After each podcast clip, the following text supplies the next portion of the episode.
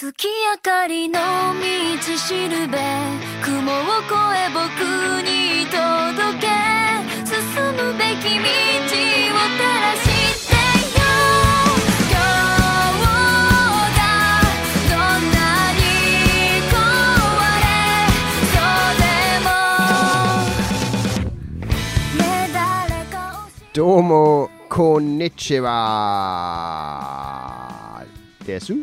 Vi er inne i uh, Det er ikke Japan spesial, hvis du trodde det, uh, men vi er inne i episode 102 av Lolbua. Hjertelig velkommen skal du være. Jon Cato heter jeg. Jeg har med meg Lars Ricardu, Er det det du heter på japansk? Hva kalte folk deg i Japan, Lars? Um, damen kalte meg eh, Larchan. Det syns jeg var utrolig awesome. Larchan? Ja, er ikke det det beste i verden? var det fordi du hadde så stor uh, mage?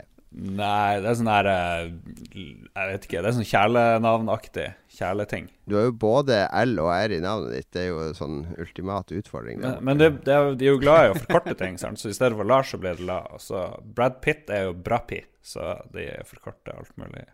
Ah, Ah, og så videre. så de har sånn her Brangelina-opplegg gående på alle navn der. Jeg. Antagelig. Hva ville Magnus blitt heten i Japan da, Lars? Eh, Det blir sånn Jeg vet ikke. Magnus, det er jo Ja. Mat, Ma Magnus. Ma Mattel, er ikke det hvis vi slår fornavnet på Ja, etternavn? Mattel. Jo, Mattel. Er det der det kommer fra? Mattel? Jeg skal saksøke Mattel, Ja. tror jeg. Det der er Er det, er det Barbie Mattel eier? Er det ikke det? Det er big business. Jeg vet ikke hvem som eier hva lenger i den bransjen der. Eh, velkommen skal du også være. Eh, konnichiwa til deg òg. Eh, takk, takk. Og til slutt så har vi med special guest star, eh, fordi vi prøvde jo det, det er jo sånn level up starter opp igjen, så jeg ringte til Rune. Han tar ikke telefon lenger. Carl har sletta meg fra Facebook. Storm-Lars, han hadde noe sånn han skulle vaske håret, sa han. Så vi måtte til Bjørn for å få han med. Velkommen, Bjørn. Takk, takk. Takk, takk. Det er uh... Helt det, klart det, førstevalget. det er trivelig. Det er, Det er det, det er det godt. beste Det tredjevalget vi har Altså, vi ringte jo deg først da, Bjørn. Ja, ja. en gjorde det, spøk, det, altså. det, gjorde det. Nei da, de tar telefonen. Slapp av, det er ikke noe beef her. Fordi våre lyttere er veldig ikke lettlurt, vil jeg si, men de, vi, har, vi har hatt sånne falske beefer før som de, eh, noen har trodd har vært ekte. Ja, men det er gøy. Så vi Det er gøy. Jeg hadde lyst til å lage det med Carl en gang. At vi skulle lage sånn internettbeef der vi hata hverandre, og prøvde å lage en Bjørn og Carl-side. Men Carl ble ikke med på det, da. Så det En sånn Andy, Andy Kaufman-greie. Ja, de, jeg hadde lyst til å gjøre det, men eh, nei, det gikk ikke. Så hvis noen av dere vil være med og lage beef, så er det bare å Bare å si fra. Ja, nå, nå er det mange som vet om at den beefen er under planlegging, da. Så det Ja, første, første regel bør være å ikke annonsere det, eller i hvert fall å planlegge det uh, live på lufta. Foran uh, hundrevis av Du lyttere. annonserer store Prosjekt Beef 2016. Ja, men det I er, år skal jeg det er akkurat det, ikke sant? At når man Beef 16, folkens. Når vi sier og spøker med det, og det, når det da skjer, så tror jo alle at det faktisk skjer. For vi sier vi har tulla det bort. Det er jo regel én i Det er morsomt. Det blir litt sånn eh, nerve rundt en sånn konflikt, enten den er ekte eller ikke. For jeg husker jeg, meg og Magnus vi hadde jo to venner, eller Lars kjenner han jo òg, han eh, Kjell eh, fra Spiderman, som nå eier Tilt. Og han og en av vennene hans, han Kolbjørn, det var sånn I flere år gikk de og snakka om at de skulle arrangere sånn boksekamp, da. Ja. For å se hvem av de som var best å slåss. Og den kampen ble Hver gang du var fylla, så begynte folk å snakke om den kampen, da. Og de begynte å snakke om Og begynte, folk begynte å liksom å sette penger allerede da på at uh, Kolbjørn var mest seig og utholden, men Kjell hadde styrken og, og rekkevidden. Og det ble det ble hypa òg. Alle ville se den kampen. Det ble aldri noe av det, Ja, ble det aldri noe av? Jeg innbilte meg at det ble det. Men uh, ja, nei, jeg mulig de hadde sånn basketak på gata i fylla, men ikke den der uh, store boksekampen i ringen som vi hadde drømt om. Nei. Men en beef, det skaper engasjement. Det, det er sant, det. Men vi har deg med, Bjørn. Eh, Du, eh, du var jo en eh, eh, trofast del av Level Up i mange år. Og du driver jo med en god del egne ting òg. Du har egen podkast og, og YouTube-kanal og alt sånt òg. Ja, man prøver jo. Den YouTube-kanalen har jo vært død siste året. Men eh, jeg, jeg liker podkastformatet, altså. Det lik, likhet med mange andre, har jeg med skjønt. Um, nei, men det er greit å ha noe å gjøre. Og jeg er fortsatt overraska at det er folk som hører på. Altså uansett, for vi har jo ikke sagt én vettu ting, kanskje, på de noen og 30 episodene vi har hatt nå. Men folk hører på. Men nå er du i Lolbua. Nå, nå er jeg Lolbua, da Med 100 sånne episoder. Ja, og, og Lolbua, det er Det er for jeg er faktisk litt nervøs, fordi jeg har på følelsen at noen i Lolbua uh, av lytterne vet kanskje ikke hvem jeg er. Mm. Og jeg er redd for at folk skal ta meg seriøst. Ja. Eh, jeg har jo alltid pleid å ikke Det være pleier, pleier ikke å være et problem med Lolbua-lytterne. er- At de tar oss for De pleier å våkne opp dagen etterpå, så husker de ikke alt som skjedde ja, under sending. Så akkurat der er vi safe, tror jeg. Men er eh, hva heter podkasten deres? Er det sånn vanlig spillpodkast, eller hva er vinkelen deres? Ja, det lurer Den heter jo Saft og Svele, uh, som var planen fordi det skulle være koselig. Og Saft og Svele er jo koselig. Uh, så nei, uh, vi har vel ennå ikke helt funnet hvordan vi deler det opp. Eh, så noen sendinger går bra, og andre går ikke fullt så bra. Men eh, vi pleier egentlig å starte med den klassiske 'Hva har vi spilt den siste uka?' og så tar vi det, tar vi det der. Har dere Ja. kopiert vår uh, formel? Ja, vet du det har, det har vi faktisk. Uh, Vi burde den, copyrighta det der, altså. den uh, det visste. men Ingen alle- som har gjort det for oss. Nei. Uh, vi prater også om hva vi har gjort. Og det er jo noe alle podkaster gjør. Um, Jeg, noterer meg at eh, to av to temaer er direkte blå kopi av Lolbua. men, men vi har Men da blir jo det her akkurat som å være i sin egen podkast. Ja, det er jo akkurat det vi skal snakke om. eh. Bruker du opp alt materialet til din egen podkast? Men det hender vi har matoppskrifter. og siden Oi. begge to er fra Hønefoss, så hender det at vi tar en titt innom Ring Blad og sjekker om noen har kjørt i fylla. Det, Nice. og det er det jo som regel, så nå har det egentlig begynt å bli litt kjedelig. For liksom de første 20 episodene var noen har mista førerkortet i Hønefoss. Så det var litt sånn Men uh... Vi har litt sånn Harstad Tidende-referanser her, har vi ikke det? På da, med lokalnyheter. Vi prøver i hvert fall. Vi prøver. Vi har jo vår innsidemann i Harstad der oppe. Ja. Mm. Uh, hvem er det du har den podkasten sammen med? Det er Svendsen? det er? Svendsen, ja. Jan Martin Svendsen, også kjent fra Level Up. Eh, Og sin egen YouTube-kanal. Så vi starta den for et år sia, tror jeg. Og så hadde vi tre episoder, og så ble det aldri noe av. Og så husker jeg ikke helt når vi starta for på fullt uh, igjen. Men vi har hatt det gående siden. Vi har riktignok tatt jul- og sommerferie, men det må, det må være lov. Ja, så vidt, så vidt. Vi merker sånn seerdropp når vi er borte litt. Ja. Ja, det. Vi hadde en litt sånn utvida sommerferie, og da, da var det litt sånn seigt å komme i gang igjen, merker jeg. Vår ferie har det med å skli ut uh, i alle retninger. Ja, ja, ja, men vi er jo travle, opptatte folk. Men mm. la oss ikke flate Hønefoss ennå. Hønefoss er et sånt sted jeg aldri har dratt til, bare kjørt forbi. ja, det er det alle sier. Hva, hva, hva er greia i Hønefoss? For det første, hvorfor heter det Hønefoss? Nei. Var det sånn foss full av høner, eller? Ja, altså det Det er jo mange gode ordspill på Hønefoss. Uh, enda morsommere Hønegata. men um, Nei, det er Hønen gård som lå ved en foss, som da ble Hønefossen. Det er ikke mer spennende. Hvorfor det het Hønen gård, det, det aner jeg ikke. Det var vel en gård som hadde høner, tenker jeg. Og så er de jo ikke akkurat oppfinnsomme. Nei, Vil jeg tro. nei de gamle bønder var ikke så oppfinnsomme. De liksom så på Det er litt rart. Det er stå, han bor igjen med Stubbe, så da er det Stubberud. Ja, det er liksom sånn. Jeg heter jo Midthaug til etternavn, og det er fordi ja, det lå tre hauger her, vi bor på det midterste. Ja, men da tar vi etternavnet Midthaug, og det er liksom Det er jo ikke akkurat ja, det, er ikke, det er ikke nyskapende, det er det ikke. Nei. Nei. Men det var det et bra, bra sted å vokse opp? Var det et sånt sånn spillmiljø der? Var, Nei. ble du uglesett som gamer, eller måtte du ut av Hønefoss for å liksom få stimulien din? Det var vel egentlig bare jeg og et par kamerater som var lidenskapelig opptatt av gaming. Uh, andre spilte litt uh, sånn når det passa seg, men eh, det var mye mye, mye mer bil og skogbruk. i- Jeg er jo litt utafor Hønefoss, så det er jo da hakket verre. Eh, For da er du faktisk, faktisk ute på landet. Um, Ja. Så da var det enten bil eller hærverk, og jeg tok jo aldri lappen. Og ble for gammel til hærverk, så da ble det jo gaming, da. Så Det er veldig vanskelig, men det er veldig vanskelig for oss i distriktene å skjønne når folk er egentlig fra Oslo, sånn litt sånn urbane strøk, og når de er litt sånn fra bushen rundt, fordi alle snakker litt sånn semilikt. Men det er liksom, hvis du snakker nordnorsk, så vet du at han er fra the shit, ikke sant? Fra et eller annet hull eh, oppe i Nord-Norge.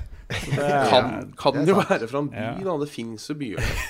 ja, det, er jo, det er jo en viss by, da, det er her og der. Men det mest sjansen er stor sjanse for at du ikke er det. Så hva med å bytte dialekt på alle som eh, ikke er fra selve Oslo, at de må prate litt sånn Eller kanskje merkes med en gul stjerne, eller litt sånn synlig, da. Ja, det har vært populært det med merking av folk før, så jeg skjønner ikke hvorfor vi ikke kan prøve en gang til. Nei, og vi har, vi har mange muligheter. Kanskje vi kan ha noe lukka interneringsleirer der det kan Ja, ja, ja. væ- være store deler av tida. Kanskje alle. kan si mye om eh, Men de er flinke til å arbeide folk fra Hønefoss, så de kan bruke det til det òg. Ja, ikke sant. Så det er viktig å finne, finne de genetiske fordelene. Ja. Ja, nei, Yes. men Lars er eh, naturlig skeptisk til alt som høres søring ut. Og det, Bjørn er jo maks uheldig, da, for han har jo litt sånn der eh, skjegg for å vise at han er litt sånn villmann fra, fra bygda. Men det kolliderer jo totalt, for det er jo det som er inn på Grünerløkka òg nå. Så jeg tror det Lars ser nå på, i Skype-vinduet, det er sånn Grünerløkka-hipster. Han klarer ikke å legge fra seg Hvis det kan hjelpe det litt, så er eh, mamma fra Mo i Ræva og bestefar og bestemor er fra, fra Tysfjord. Uh, hvis det hjelper på. Så jeg har litt, eh, jeg har litt nordlending i meg, hvis det kan hjelpe på å få litt høyere Litt høyere Ja. status. Nå snakker vi, nå begynner jeg å varme opp her. Så det, ja, og Ja, det Nå er, nå er du akkurat som Donald Trump, Lars. Du krever fødselsattest og slektstre og sånn for å Du, Apropos eh, Donald Trump. eh, kan, du, eh, kan du bekrefte at den septumringen din i nesa ikke er en løs ring? Sånn Ja. som alle trendjenter i dag det- har. det du. Kan jeg faktisk.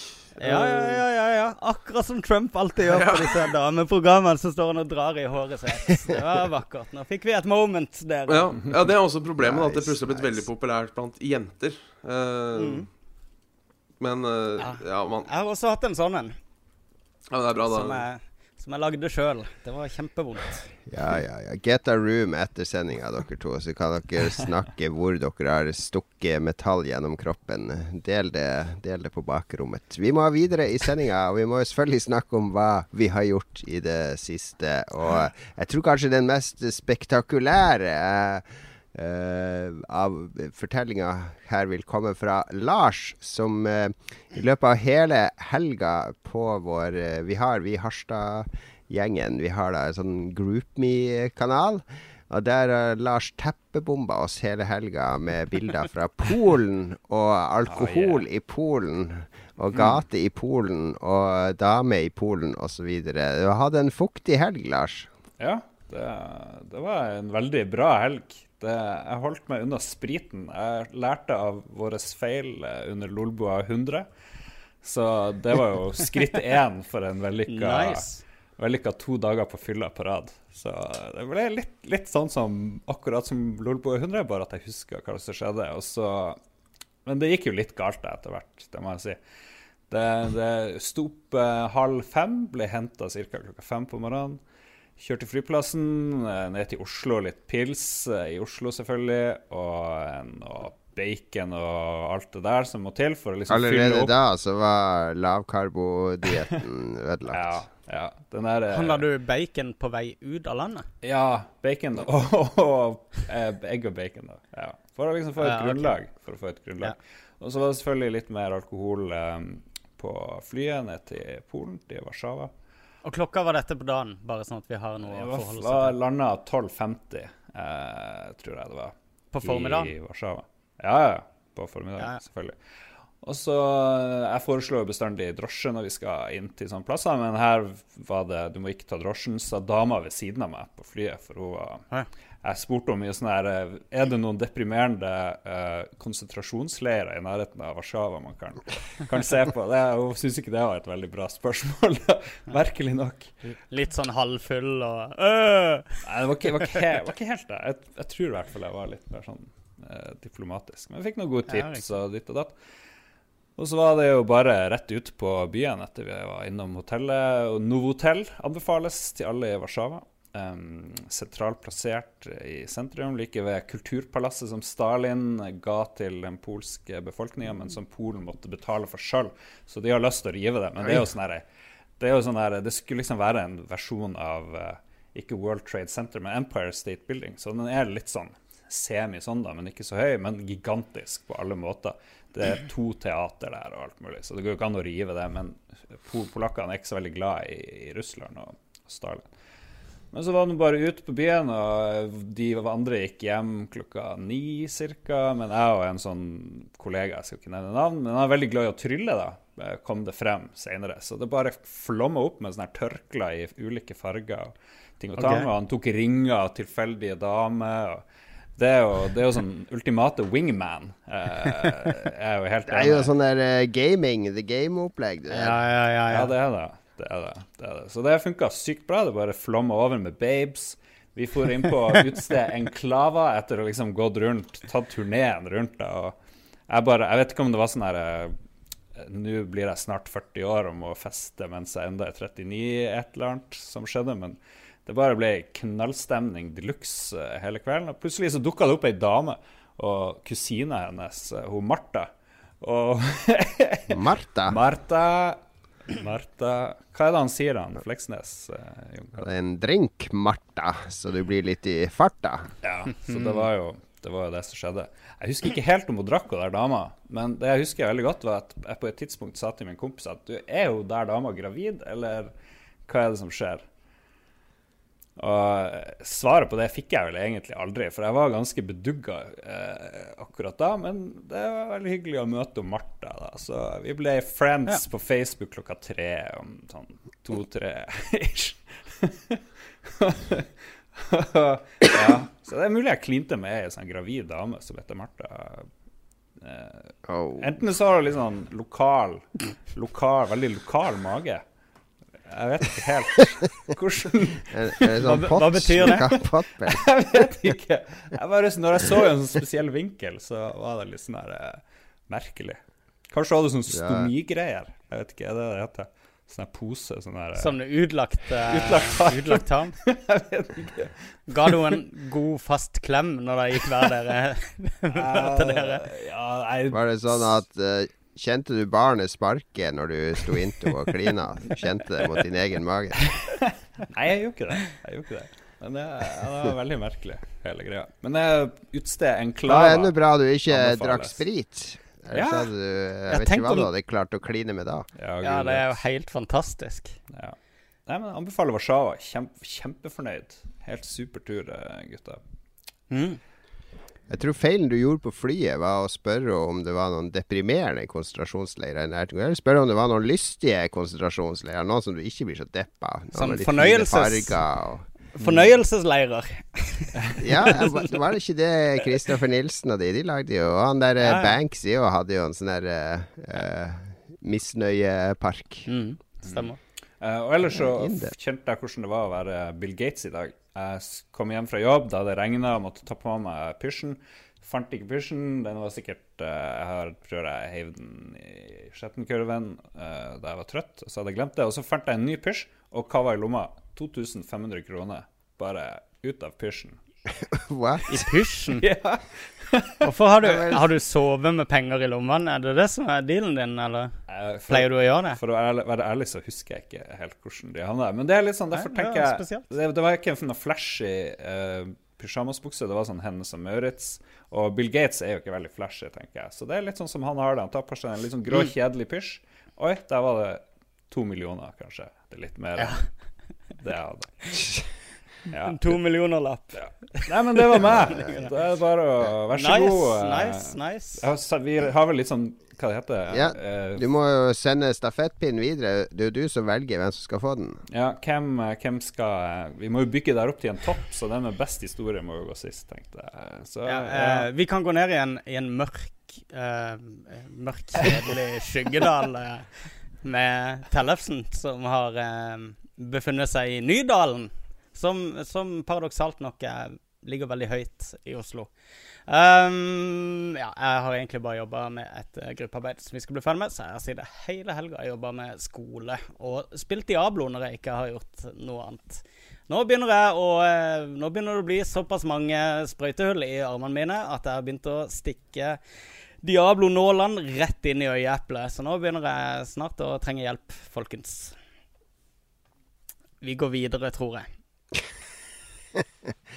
Jeg, var jo oppe på B i forrige uke. Jeg så ikke snurten av Magnus der. Det er bare skrøn at han sitter ja, der hele dagen. Du pleier å tråle det. Altså, BI-bygget er veldig kult. Jeg pleier å kalle det sånn der eh, kapitalistisk Hogwarts, for det er akkurat sånn det føles ut å være der inne. Det, det går sånne her, eh, eh, trapper og broer og eh, masse forskjellige sånne ganger. Sånn jeg, jeg finner fremdeles nye måter å navigere meg rundt i det der bygget. Veldig kaotisk og, og eh, veldig merkelig konstruert, da. I tillegg så er, det, så er det et glasstak over hele greia, så du kan liksom se nattehimmelen på kvelden, akkurat som Hogwarts fra Harry Potter. Så Jeg Ja, tror at selv om jeg hadde vært der, Jon, så Eller selv om du hadde leid etter meg, er vel riktigere å si, så tror jeg ikke du hadde funnet meg. Nei, meget mulig. meget mulig Det tok meg sånn ti minutter bare å finne en dass. Så, så terningkast én fra meg så langt. Ja, Den det skolen der. Det er superkaotisk sted, men Ja. eh, ja. Mm. Veldig rart, veldig rart. Nei, jeg har vært på ehm, Jeg har vært på julemiddag. Eller det vil si jeg har, eller Synne har en onkel og en tante som er sånn attpåklatta, Altså de er omtrent sånn der ti år eldre enn oss. Eh, så eh, de ga julegave til meg og Synne, og da broren til Synne og kona hans og tre-fire andre at det julegaven var å komme på sånn treretters middag hos de, da. Det er veldig smart julegave, da. Det er sånn eh, man kan gjøre i stedet for å kjøpe noe sånn tull på Glassmagasinet eller et eller annet på Jernia. Så det var veldig hyggelig. Vi hadde barnevakt og kom oss av gårde dit og fikk servert De bor i en veldig kul leilighet da, her i Oslo, sånn toetasjes leilighet. Og så har de han eh, Pål, som han onkelen min heter, da, han er veldig glad i tegneserier og kunst. Så der henger det masse sånne originalskisser på veggen av forskjellige tegneserier og, og Donald-tegninger. Oppe så har han fem originaler av Christopher Nilsen fra det der okay. Oi. Verdiløse menn. Det er sånne fem portrettbilder. Veldig kule. Eh, det er litt Push-Wagner der, og det er mye, mye kul eh, kunst som er i hvert fall appellerer veldig til meg, da. ja, fett. Og utrolig fint design på leiligheten da, med den trappa og sånn. Så vi satte der og fikk servert først scampi i appelsinsaus. En genial eh, miks, egentlig. Jeg vet ikke om du har prøvd det, Magnus? Nei, ikke appelsinsaus, men det høres Ja, godt ut. Ja, du må koke sånn appelsinjuice og blande ut Ja. litt. Og sånn. Det er ganske enkelt å lage, faktisk. Det er, er to smaker som passer veldig godt sammen. Og dynke ja, de i appelsinsaus. Og så var det villsvin til hovedretter. Jeg har aldri spist før. Villsvin. Og det smakte ikke gris i det hele tatt. Det var mer som, som hjort eller noe sånt. Ja. Um, veldig godt. Skutt i Sverige. Uh, og noe fruktgreier til dessert. Så det var en særs vellykka kveld. Særs hyggelig, eh, hyggelig og julegaveidé. Ja. Gi noen en middag hjemme hos deg. Du gir jo bort middager hele tida, Magnus, bortsett fra meg og Lars. Men uh, Ja, jeg gjør faktisk det. ja, det blir satt pris på. Det er personlig og fin eh, gave. Ja, det skal jeg tenke på. Da har vi spart det beste til slutt. Ja, det spørs det jo om dere har gjort. Uh, jeg var sjuk fra torsdag til søndag, så jeg satt hjemme og drakk kaffe og syntes synd på meg sjøl. Du er fremdeles over meg, Bjørn. ja, uh, Det fine nå er jo at danske forskere har jo kommet fram til at menn faktisk har det verre under influensa. Eh, Det er så deilig. Så da kunne jeg si at jeg virkelig hadde det jævlig, og da kan ingen komme med den der fødselsgreia si, for de har ikke målt hvordan det er å føde for menn. Eh, så ergo så vet vi ikke hva som er verst. Du Men har jo på- den der filmen med Arne Schwarzenegger. Jeg tror den var ganske realistisk. Ja, ja, Beklager. Ja. Og hvis vi skal tolke etter ansiktsuttrykket til Arnold Schwarzenegger i den filmen når han fødte, så tror jeg, så tror jeg kanskje Ja, i hvert fall vi kan likestille det med influensa. Jeg tror ikke jeg har sett den filmen på ti år. Jeg har på følelsen at jeg ikke kommer til å se den de neste ti åra heller. For det er vel Ikke ikke, noe høydere av en en Du kan se traileren, og så har du på en måte naila det. Ja. Arnold Schwarzenegger er gravid. Det er jo for så vidt et selling point, det, for jeg elsker dårlige komedier. Eh, men Nei, men kanskje noe faktisk spennende var at på søndag så var jeg litt frisk, og da fikk jeg middag to ganger. What? Oi! Først så fikk jeg middag ute til lunsj, men allikevel middag, for det var chili con carne. Eh, Og så fikk jeg middag hos svigermor på kvelden. Så det var to middager gratis på en dag. Det Det er perfekt, faktisk ganske stort. Men er man så sulten når man er sjuk, liksom? Det er jo et spørsmål. Da var han vel i recovery mode, og da har han Ja, ja, ja. vært Ja. underernært i flere dager. Da var, det, da var det søndag, da begynte det å gå bedre og kunne gå ut og litt sånne ting. Så da var det Det. Det var bra. Nice. Ok, ok, jeg tar den. Jeg, tar. jeg kan legge til også at jeg har sett uh, den fantastiske TV-serien Mammon. Har jeg sett ferdig. Ja, det er veldig mange som driver og Jeg så det der eh, eh, Var det Underholdningsmagasinet? De hadde en sånn Ja. sketsj hvor de gikk gjennom absolutt alt som skjedde i siste episode. Nei, det, det har ikke jeg sett, men det er eh, Jeg syns det er helt, eh, helt kurant. Jeg synes det, Alle hater det fordi det er norsk. Det er bare derfor. Hadde det vært med Kim Bodnia i hovedrollen og noen svenske og danske skuespillere, sånn som i den drittserien Broen, så hadde folk vært uh, det er utrolig, utrolig bra det er Mammon. Ja, danske Mammon. Det er veldig bra. Det er, det er bare fordi det er norsk. Alle driver og hater på det. Jeg Så det synes er samme kvalitet. Jeg syns det er like bra som det andre skandinaviske mølet som de lager og putter på skjermen som krimserier. Forbrytelsen og Broen og hva de heter, alt sammen. The truth, you sucker.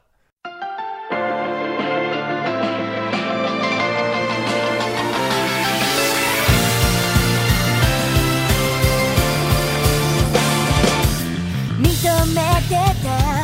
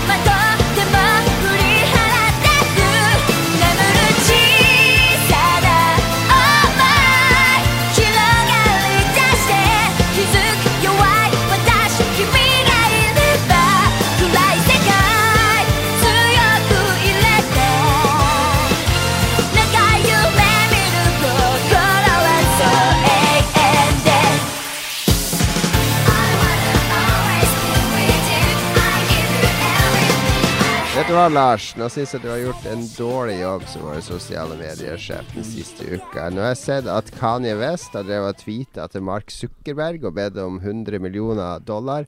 Hvorfor har ikke du tweeta Mark Zuckerberg og bedt han støtte Lolbua? Det kan jeg gjøre as we speak. Det koster meg ingenting. Jeg visste ikke at han hadde gjort det. Jeg visste ikke Gjør at det. var en Gjør ting. det. Jo, han har, eh, han har vært veldig aktiv på Twitter den siste uka. Kanye West han har jo lansert nytt album, så du kun kan høre på Tidal eller Vimp, eller hva den tjenesten heter nå for tida. Jeg abonnerer i hvert fall ikke på den. Uh, og så hadde han massive doser med tvitring. Der han sier at han er blakk. Han har sånn eh, 50 millioner dollar i gjeld. Eh, Ja. og han trenger mer penger til å realisere sine kunstneriske drømmer. Da mener Mark Zuckerberg kunne sponse han. ja, helt sikkert. Garantert. Nei, men ja, hvem andre kunne vi tigga om penger fra? eh, Er det noen i våre segment, liksom? Noen no good dudes? Nå har jo disse level up-folka vært ute. Jeg vet ikke hvor mye de er oppe i nå, da, men det er vel en sånn 8000 dollar i måneden. Eh, det er jo noen som har spurt om ikke vi skal gjøre det samme, da. Vi har jo level up her, er vi ikke det? Delvis. Vi må jo kunne spørre. Ja, fri- Frilanser, sånn som jeg var. Eh, Ja, jeg vet ikke hvor mye innsikt jeg har, annet enn det som er offentlig nå, altså. OK. Jeg kan godt finne på noe skup hvis det kan. Ja. ja. De Vi, tror det er, vi tror det er 30 000 dollar. Tror vi ikke det?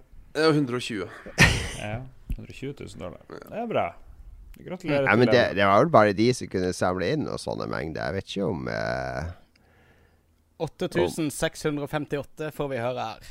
Ja, Ja, ok. Borens eh, leks. 70 000 spenn ca. i måneden. Det er jo det er, det er greit. Det er, ikke, det er ikke til å leve av hvis de hadde vært helt blakke nå, da. Jeg tror ikke det er den eneste inntektskilden to, i og ha, Ja, de har en sluttpakke, tror jeg, som varer noen måneder. Men uh, de må jo ha noen sponsorer, noe syndikat, noe annet, ikke sant. Så, så går det rundt. Men som et fundament så er det jo helt fantastisk. Ja.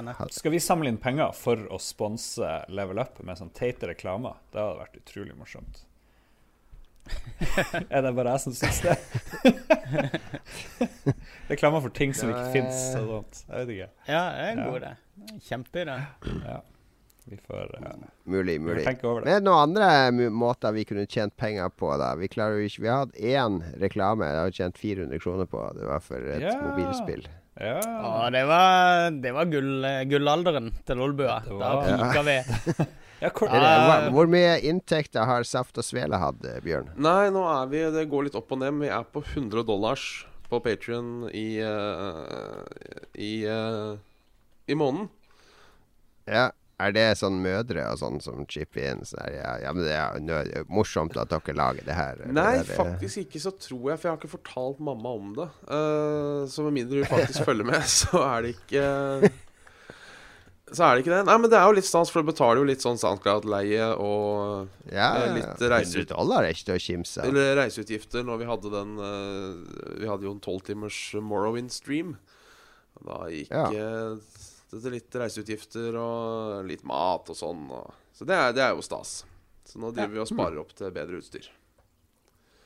Jeg syns det, det jeg synes er hvis vi Hvis noen plutselig ga oss Hvis vi plutselig fikk sånn her 250 dollar i måneden, så føler jeg at vi har sånn press på oss til å måtte levere på en annen måte enn vi har nå, der vi egentlig ikke har noe som helst press.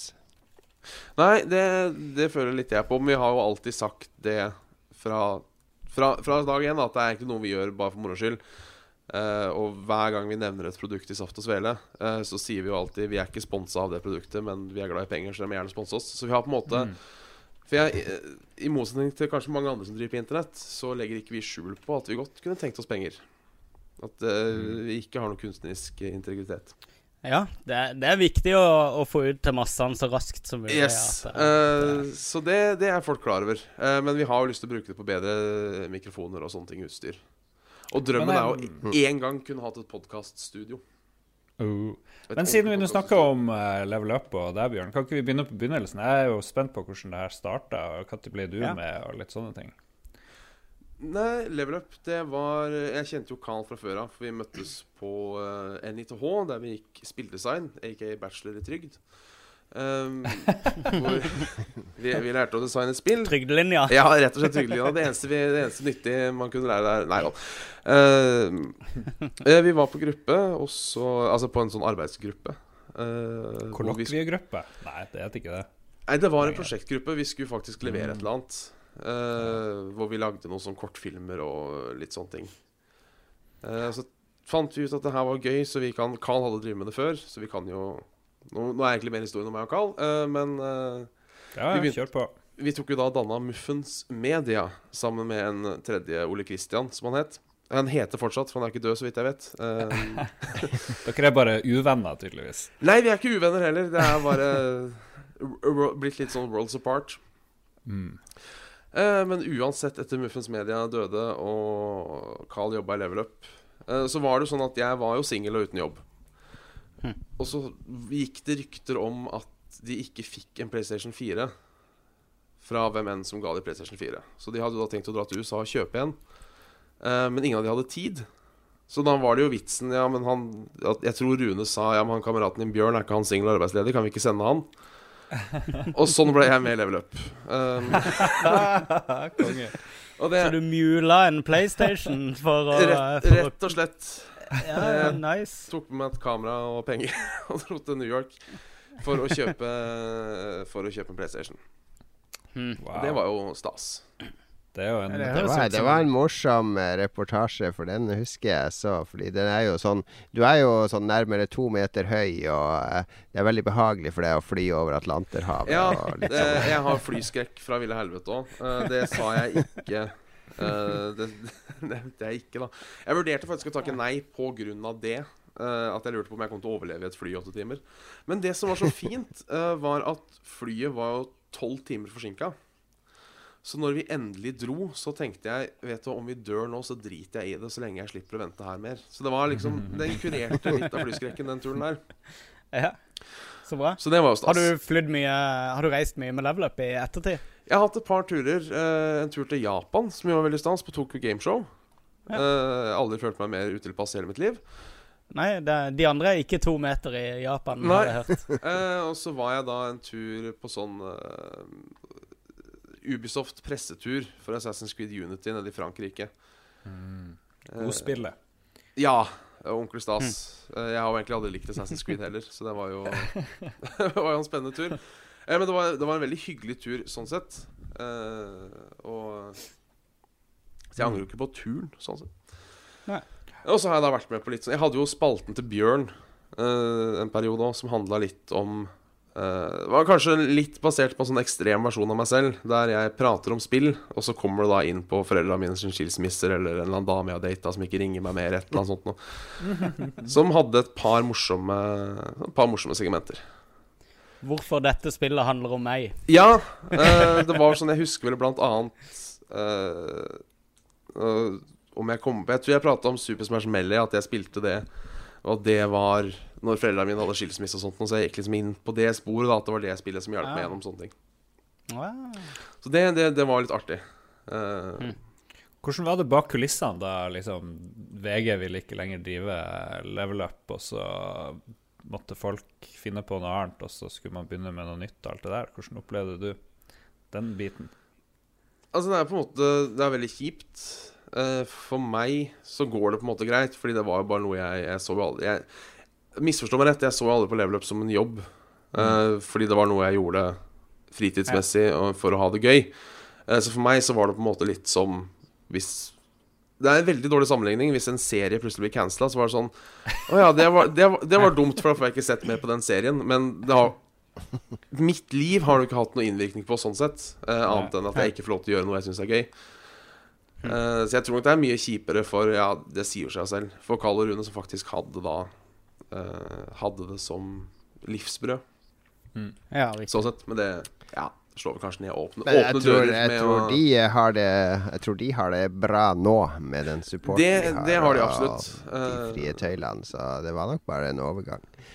Men jeg må si, Bjørn, at dine innslag i Level Up Det har vært noen av mine favorittinnslag. Fordi det er mye, mye kos og hygge og sånn i Level Up. Og så har du vært en litt sånn em, anarkistisk eh, innslag der vi aldri helt visste hva man kunne forvente, og har liksom dytta litt på humorgrensen og sånne ting, og det syns jeg var helt topp. Jeg har sett i kommentarfeltet av og til at noen likte det veldig godt, noen likte det ikke så godt. Nei. Og det er akkurat sånn humor skal være. Det som, som han, eh, han tegneren, han eh, vitsetegneren Gary Larsson.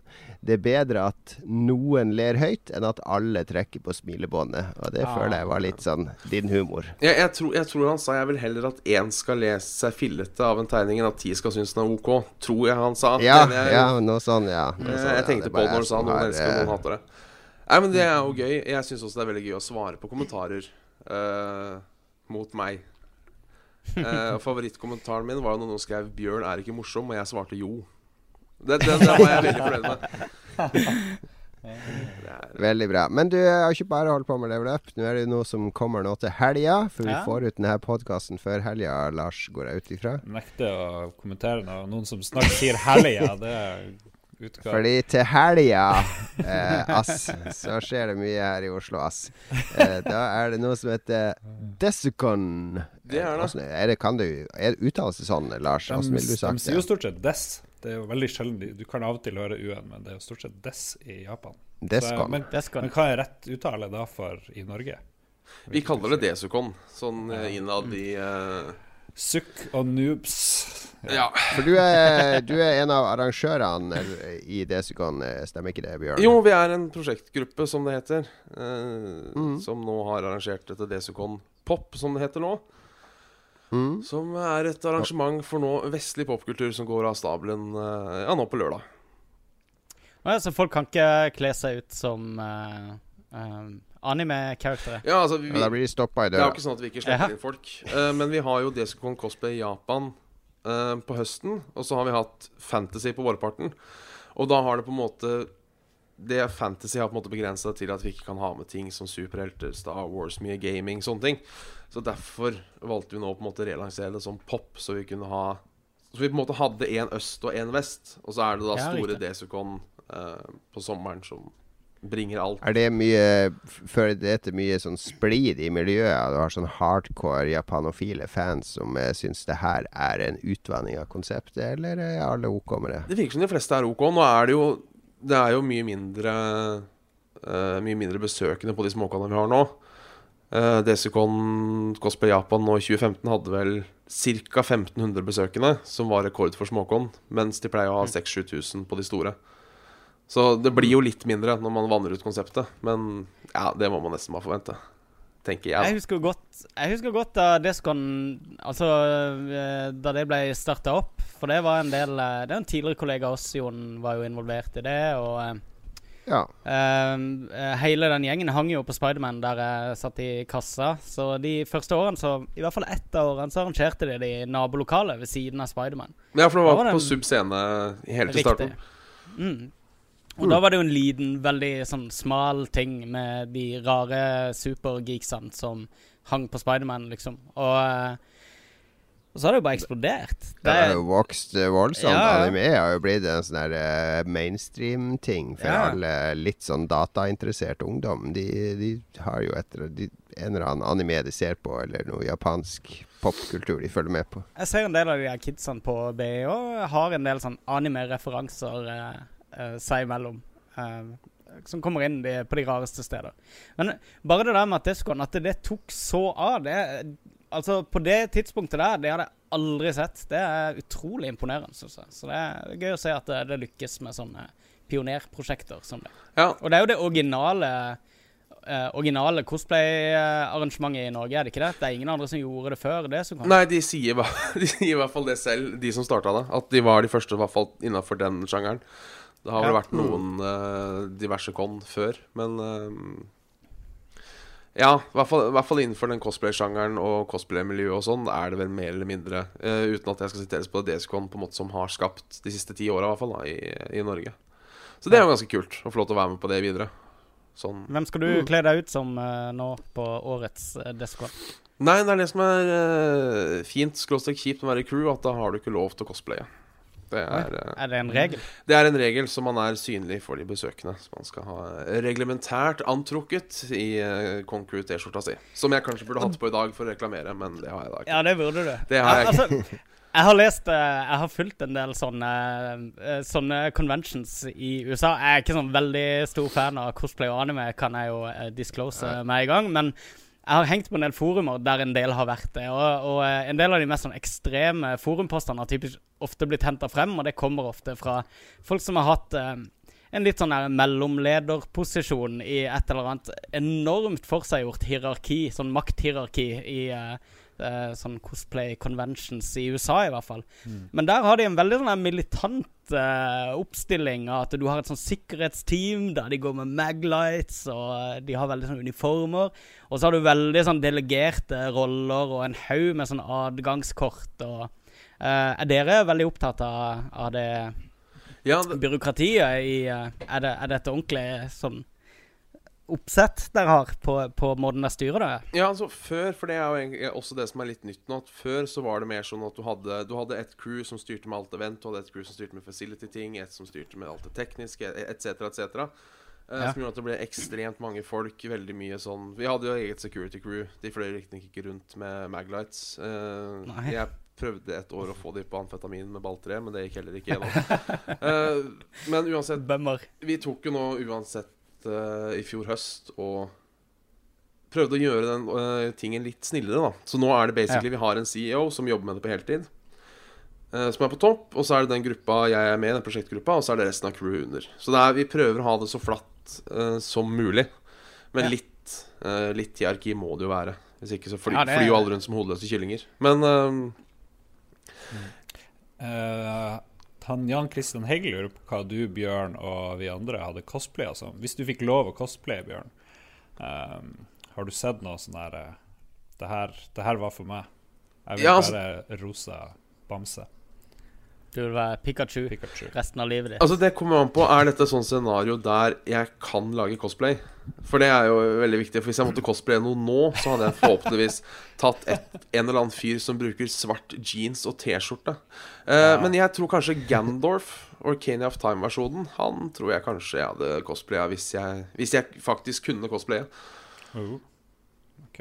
Han syns jeg alltid Det, er- det er interessant, det kan vi ta stilling til. Eller hvis jeg får lov å dele en historie, for jeg har faktisk vært dommer i en cosplay-konkurranse på Toten, av alle steder. Eh, det er flere år siden da cosplay var nytt og spennende, og da skulle det arrangeres Det var sånn spill Det var en sånn eh, veteran i bransjen på den tida som drev og arrangerte sånne spillmesser på Toten da for ungdommer på Toten. Og eh, der skulle han sette verdensrekord i cosplay var det Stemmer. ambisjonen. Og jeg sa til han at jeg kommer aldri til å gå. Jeg tar du deg vann Jo, jo, jeg måtte være dommer og sånn, så ja, greit, jeg skal komme opp til den gamle melkefabrikken ved Mjøsa der. Og jeg kjørte opp en lørdag og satt ved et bord der. Det var jo 40 ungdommer som cosplaya. Det var bra, det. Bra det til å være på den tida. Men eh, det er litt sånn urovekkende at halvparten av de hadde skytevåpen da. Eh, det kom opp en sånn her i full militær kamo. og Sånn her, så bare ja Hvem er du, da? Nei, han var Sergeant Price. Hæ? Ja, Call of Duty.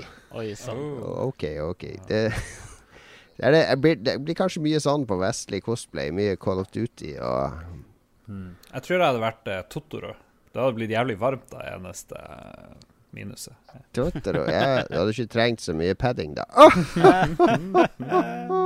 Eh, det er jo bare, å- det er jo bare å dekke til en sånn sumobryterkostyme. Kanskje. Kan er begynne, kan, begynne der. Nei, nei, jeg kunne aldri Du lagd det. Magnus. Hvis du måtte cosplaye, hvem hadde du valgt fra hjertet? Hvem spør du? Du, Magnus. Å ja. Jeg har jeg, Han der i Lolbua. Å, nei, du kan ikke feige ut sånn. Nå må du si noe sånn. Nei, jeg vet faktisk ikke. Jeg, jeg tenkte litt på det i dag. Jeg prøvde å komme på en eller annen character jeg kunne tenke meg å kle meg ut som. Men uh, altså, Kristine prøver å dra meg med på sånn Manny Cavalera. og- Manny Cavalera. Tenk deg, Hva kan ha så stor pappmasjé-hode med tenner og det, det hadde vært fett kostyme, da. Jeg har aldri sett en Manny Cavalera-cosplay. Nei, men jeg, jeg vet ikke. Det, jeg har en sånn her Det er et eller annet som, som bare Det, det skingrer med hele, hele mitt eh, Med hele min eh, Hva skal jeg si? Ikke selvrespekt, men, men et eller annet. Altså, som sagt, kjæresten min prøver å dra meg med på halloween hvert eneste år, og jeg blir ikke med på det heller, på å kle meg ut og sånne ting. Jeg er ikke noe, ikke noe fan av det. Jeg er nok litt for eh, ja, det er noen som foreslår uh, Princess Mononoke her, så kanskje jeg skal gå for det.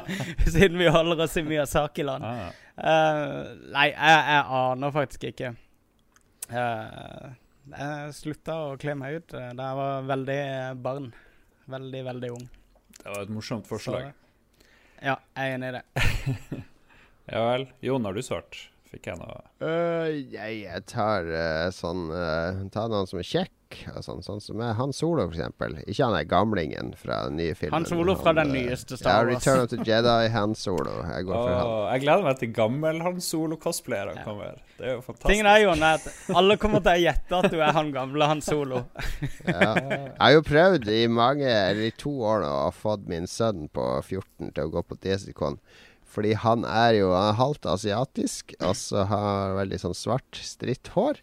Med litt gelé og en blå dressjakke og et rødt slips, så er det Phoenix, Wright. Wright. Det er en ung Phoenix Wright. Han hadde bare tenkt å ta opp handa og rope 'objection', så hadde det vært førstepremie med en gang. Det er jo ingen av hans venner som vet hvem eh, Phoenix Wright er. det det?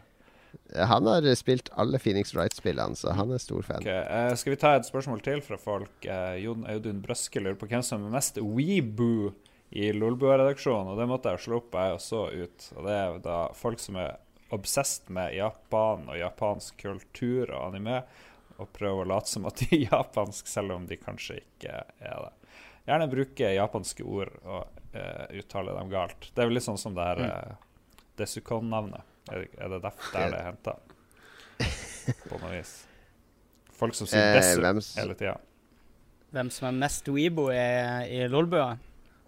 Hmm. Uh, ja Jeg vet ikke. Jeg var kanskje, kanskje ganske Vi var ganske Vibo på 90-tallet. Ikke sånn Vi chasa jo anime og sånn. Hmm. Og Ja. uh, japanske spill og satt med sånn katakana-skjema for å oversette og sånn. det var veldig Det var litt mer sånn Det var ikke så Man hadde ikke så lyst til å være japansk, men de hadde bare lyst til å omfavne det som var av sånne tegneserier og ting og tang.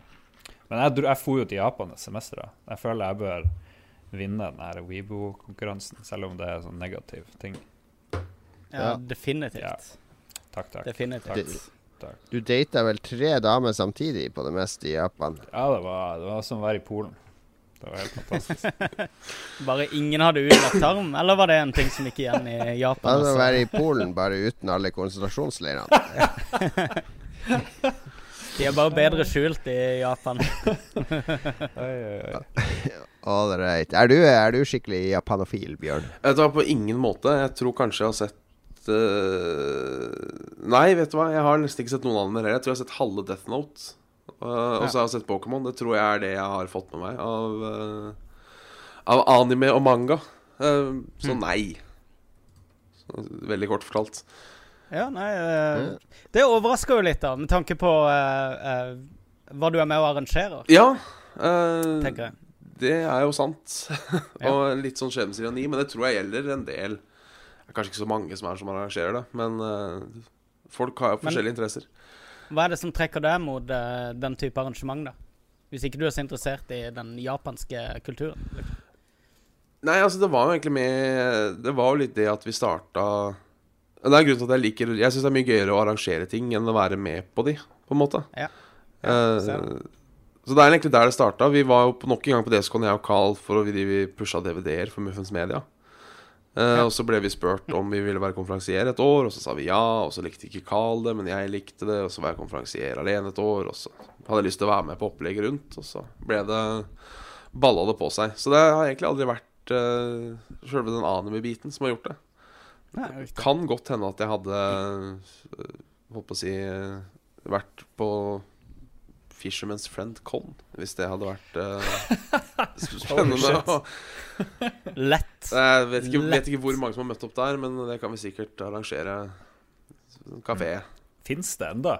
Jeg syns det er lenge siden jeg har sett noe Fisherman's Friend. Jeg har, øh, det, dette funker jo dårlig da for de som ser på med lyd. Jeg har faktisk en pakke her på pulten. Så det Åh. Den svarte og hvite Ja, ja. varianten. Den er riktignok tom, den her, da. Men øh, det er fra disse sykedagene mine. Da er det Fishman's Friend som er min øh, Herlig produktplassering. Ja, Vi har litt flere vi har litt flere spørsmål vi kan ta. Vi har én spalte etter det her òg, der vi skal snakke litt om hva vi har spilt. Men vi, vi har fletta inn noen lytterspørsmål her uh, i, i gjestespalten. Um, hva syns vi om at Level Up endelig er tilbake igjen, nå med backing av oss fans? Uttrykksikonet Grind. Det spør han Rolf uh, Helge Ingebrigtsen om. Det sa vi jo allerede da, da Ja, vi syns jo det er helt topp, da. Ja, det er dødsbra. Det er Mm. noe vi har savna helt siden de forsvant, så A-OK. Men hva er maks level, lurer jeg på? Det er jo level up, level up, level up. Det må jo ta slutt. Er det ikke noe cap? Level cap?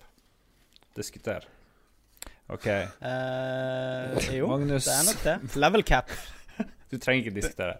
Magnus Eide Sandstad sier 'good job til level up' med gründeroppstart. Trivelig å få selskap nede på bakkenivå. Og Magnus ja, lager jo eh, R-dritt-ting. Ja. R-dritt. Så da er, da er level up blir litt mer dritt. Eh, Antyda, kanskje. Eh, jeg tror ikke det er sånn det konseptet de sitt uh, funker. Chris- Men vi kan si det. Jeg tror det. Kristoffer Getto Boys Hansen Leistad lurer på om gutta i Lolbua kunne tenkt seg å vært en del av Level Up som anmelder, eh, ikke rettet mot kongen av Trollolol. Ja, for vi må okay. nevne det, Jon. Nå har vi jo snakka om, eh, om level up eh, ganske lenge, og vi har ennå ikke nevnt at eh, for de av våre to lyttere som ikke vet det, at du var jo en del av konseptet mens det pågikk. Det originale konseptet frem til du var nødt til å prioritere Nei, jeg var ikke med det helt originale, fordi det var Carl Thomas og. E- Even, tror jeg det var. Rune var ikke med engang da. Stemmer. Uh, da var jeg gjest i et program der vi snakka om boka som jeg og Anna skrev. Uh, men jeg ble med uh, Like etter Carl ble med, så ble vel jeg òg med, tror jeg. Ja. Som sånn, sånn spaltist. Kunne vi hatt ei Lolbua-spalte i, uh, i Level Up, er vel spørsmålet her, med anmeldelser. Vet ikke. Vet ikke om det går. Litt, litt rart for oss Ja. å, å, å forholde oss til en eh, sånn hypotetisk redaksjonell beslutning hos Level Up. Men det spørs jo Um, hvordan om de har alkoholgrense, f.eks. Det er jo ganske viktig for oss. Ikke sant? Det har de sannsynligvis. Ja. Og jeg vedde på de aldri kunne arrangert eh, episode 100 sånn vi gjorde.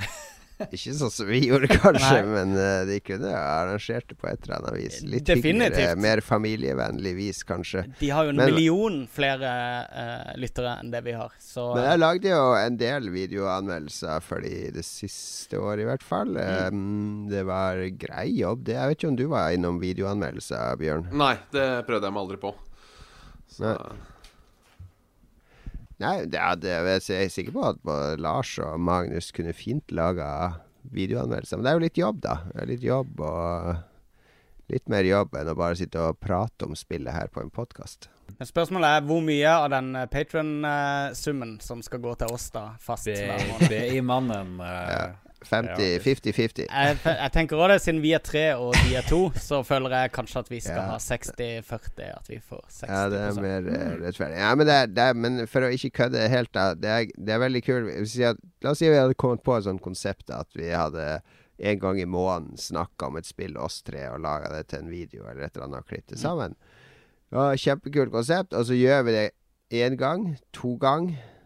Og så tredje gangen så er det ork. Alle vi som har jobba med sånne kreative ting og starta opp ting, vet der at noe kan være en dritkul idé, men det, jobben er å holde det i live, ikke sant? Og det gjelder podkaster, video, Let's Play, alt mulig.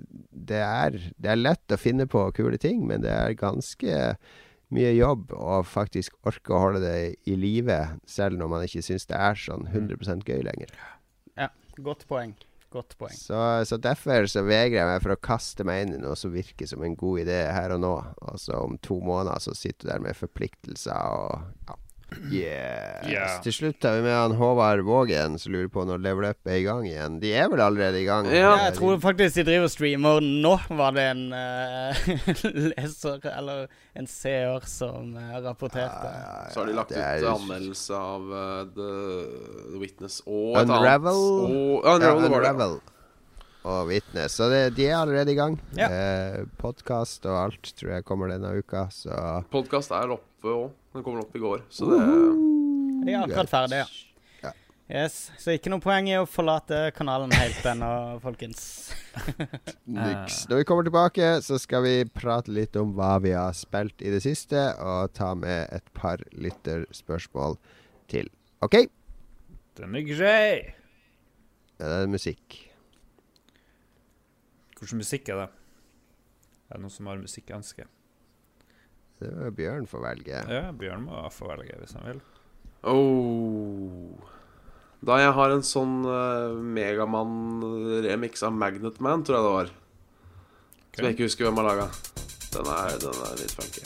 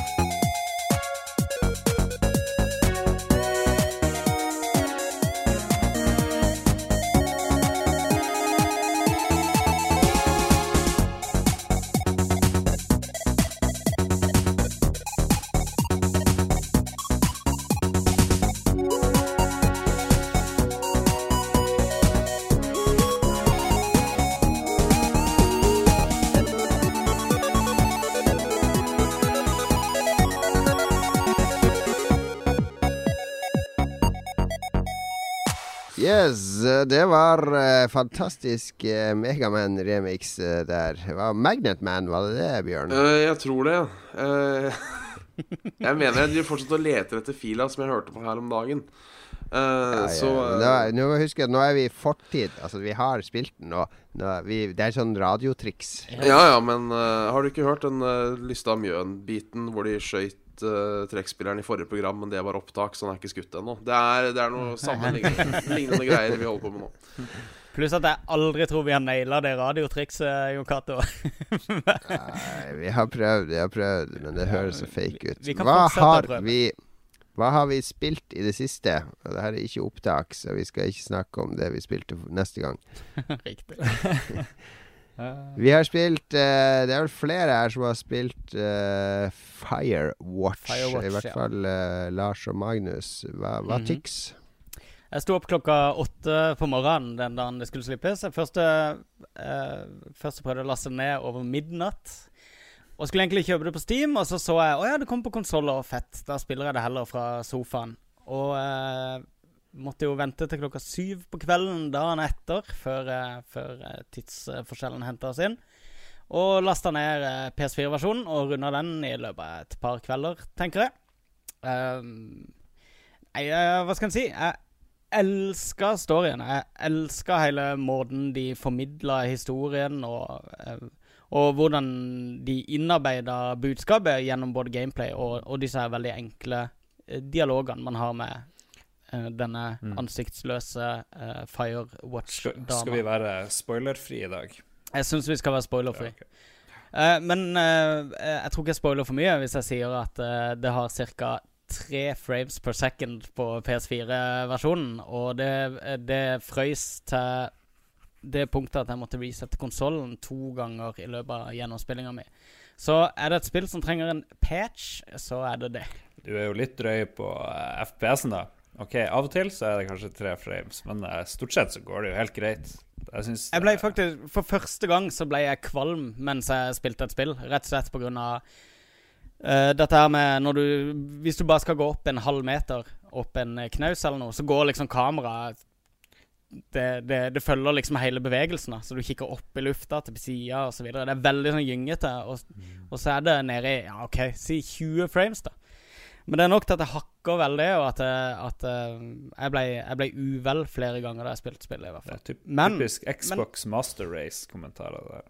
Du, dette her er jo en typisk ting som PlayStation er bra på. Det er jo disse 60 frames-spillene sine. Og det syns jeg Det savner jeg umiddelbart i det spillet der. For det handler veldig mye om sånn visuelle, visuelle inntrykk nei, underveis. det, for meg så er det sånn at jeg ga opp første natta der, fordi Ja. jeg orker ikke å spille det ferdig før det er patcha og smoothere. For jeg syns det, var- Herregud. det er Fordi det er utrolig pent spill, da. Ja. Det er utrolig Ja, innlevelse i det, men innlevelse blir brutt hele tida når det hakker og Det stopper opp.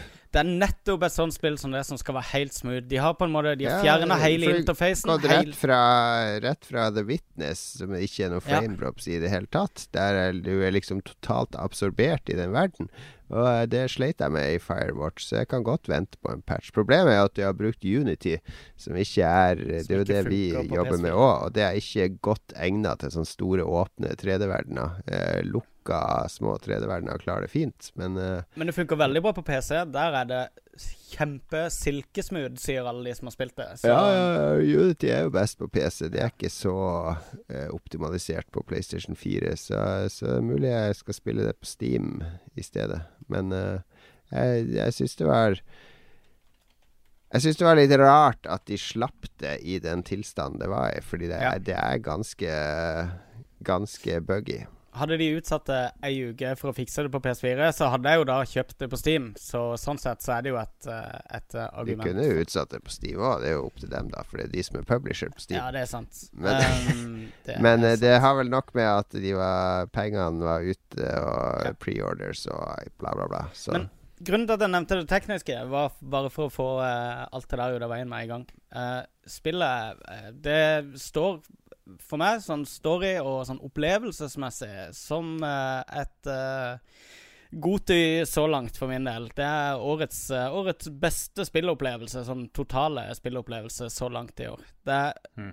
veldig bra formidla, det er veldig relaterbart, og det foregår en del historier som, som Eh, kanskje ikke alle, alle disse underhistoriene er like vellykka, men de som er der, sitter som støpt. Og eh, det er et spill som har eh, blitt med meg ei, ukes tid i etterkant. Og har gått liksom og bearbeida litt eh, storyen og det som skjedde underveis. og det er det ikke så ofte jeg gjør når jeg spiller spill. Jeg er jo en veldig shallow type, som vi alle vet. Så sånn sett så er jeg veldig takknemlig for at jeg spilte spillet, og skulle ønske det var færre bugs.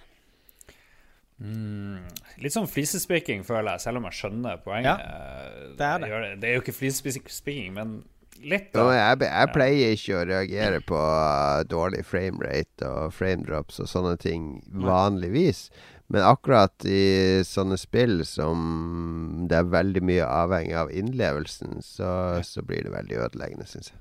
Jeg er helt enig. Men eh, på, jeg syns jo det der The Walking Dead og de her Telltale-spillene var helt ubrukelige når jeg spilte de. Da ble jeg provosert, fordi det, alt så så enkelt ut. Det burde vært veldig lett å gjøre det bedre, mens her ser jo alt helt konge ut. Det er jo en svær skog. Det er ganske tøft på systemet, tipper jeg, å rendre alt det der. Så jeg skjønner jo litt at det sliter på systemet. Jeg tror Jon Cato hadde et godt uh, poeng med å nevne The Witness, uh, som ble sluppet bare et par uker i forveien. Og uh, den visuelle stilen, selv om det er jo han nerde nerdekunstner Ollie Moss som har satt, tatt seg av den visuelle stilen i Firewatch.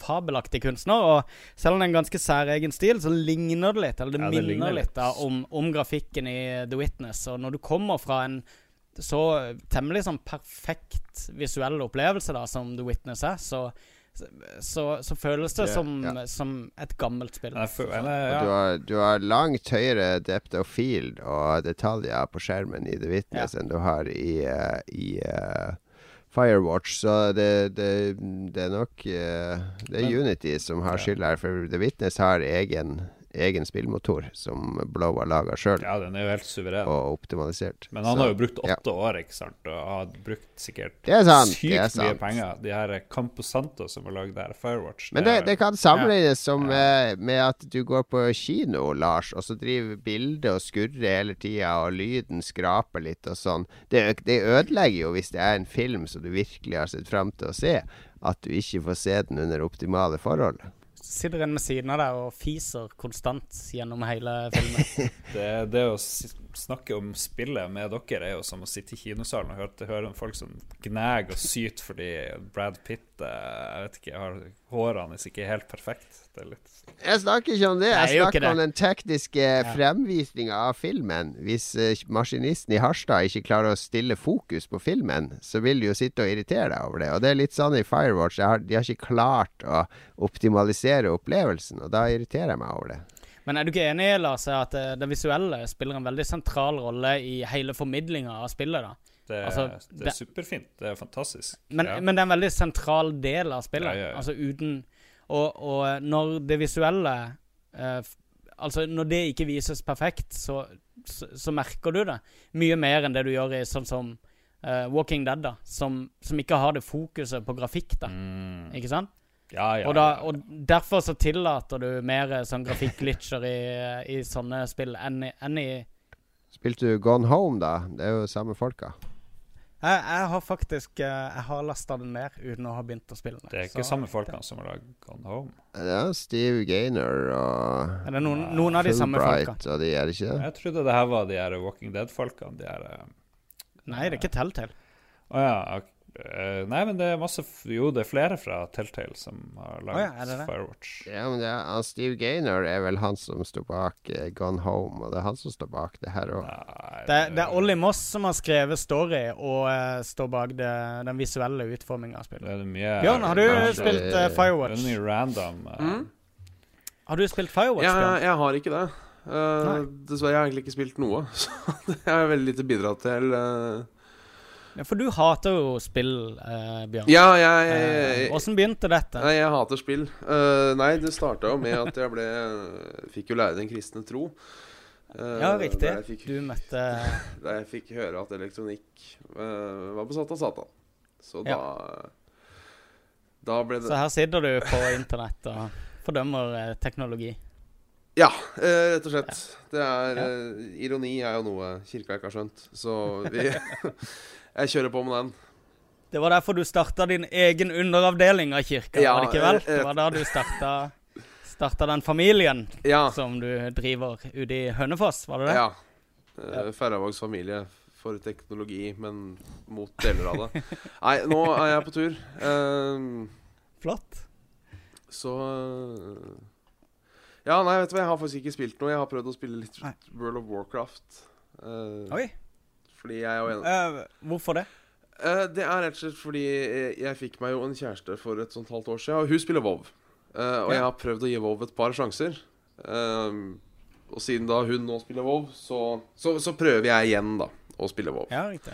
Og jeg er jo livredd, fordi jeg er han fyren som er inne i en dungeon som ikke har tatt den ene dungeon elleve år etter spillet har blitt utgitt. eller noe sånt nå. Så jeg er jo eh, livredd for at noen skal se igjennom det jeg gjør. Så jeg spiller damage og holder kjeft i, eh, Ja. i chatten. Det er egentlig Det er greit. trygt. Yes, slipper jeg det. Men uh, har, du, har du spilt langt? Har du, hvilken level er characteren? Nå er jeg 42, tror jeg. En Ja. panda warrior, så det er, eh, ja, det er stas. Er det, første, eh, er det første gang du spiller uh, opp dette, eller? Nei, jeg har vært oppe på level 30 en gang, tror jeg. Så det er eh, jeg, har, jeg har så- prøvd før, men eh, aldri kicka på det. Ja, riktig. Nei, det er litt gøy å høre nå, så mange år seinere, og høre åssen en ny spiller kommer inn i den verden og opplever det. Ja, Um, jeg hoppa litt av, for jeg syns hele spillet ble litt for sånn Det ble for raskt, på en måte. At eh, alle dungeons ble redusert til sånn eh, ti minutters sprinteturer i stedet for tre timers eh, lagsamarbeid og sånne ting. Men jeg har veldig lyst til å gå tilbake igjen til World of Warcraft, og det sier jeg som en eh, Diablo 3 innbitt Diablo 3-spiller. Så eh, jeg driver og stekker det akkurat nå, så du må si fra hvilken server du er på, så kanskje vi kan uh, joine noen eventyr i fremtiden. det hadde vært kult. Vi får se, vi får se om jeg holder ut eh, den gangen her. ja, det syns jeg du skal gjøre. Jeg har, eh, right. jeg har saksopplysning bare på Firewatch. Det er da skrevet av Sean Vanneman, eh, som var med og skrev eh, første sesongen av Walking Dead. Og directoren er Jake Rodkin. Og så er det fire programmerere og to artists, blant annet Ollie Moss. Så alt det dere sa i sted, var feil. Nei, Nels Anderson er jo lead designer. Nei, han er designer, og eh, det er jo Ja, det Ja, det var han som lagde Mark of the Ninja og Gone Home. ja, ja, men det er nå greit. Men det er nå Directoren og writeren er vel litt sånn Men Ollie Moss, i hvert fall i rulleteksten, sto eh, kreditert med visuell utforming og eh, story. Det er jeg ganske sikker på.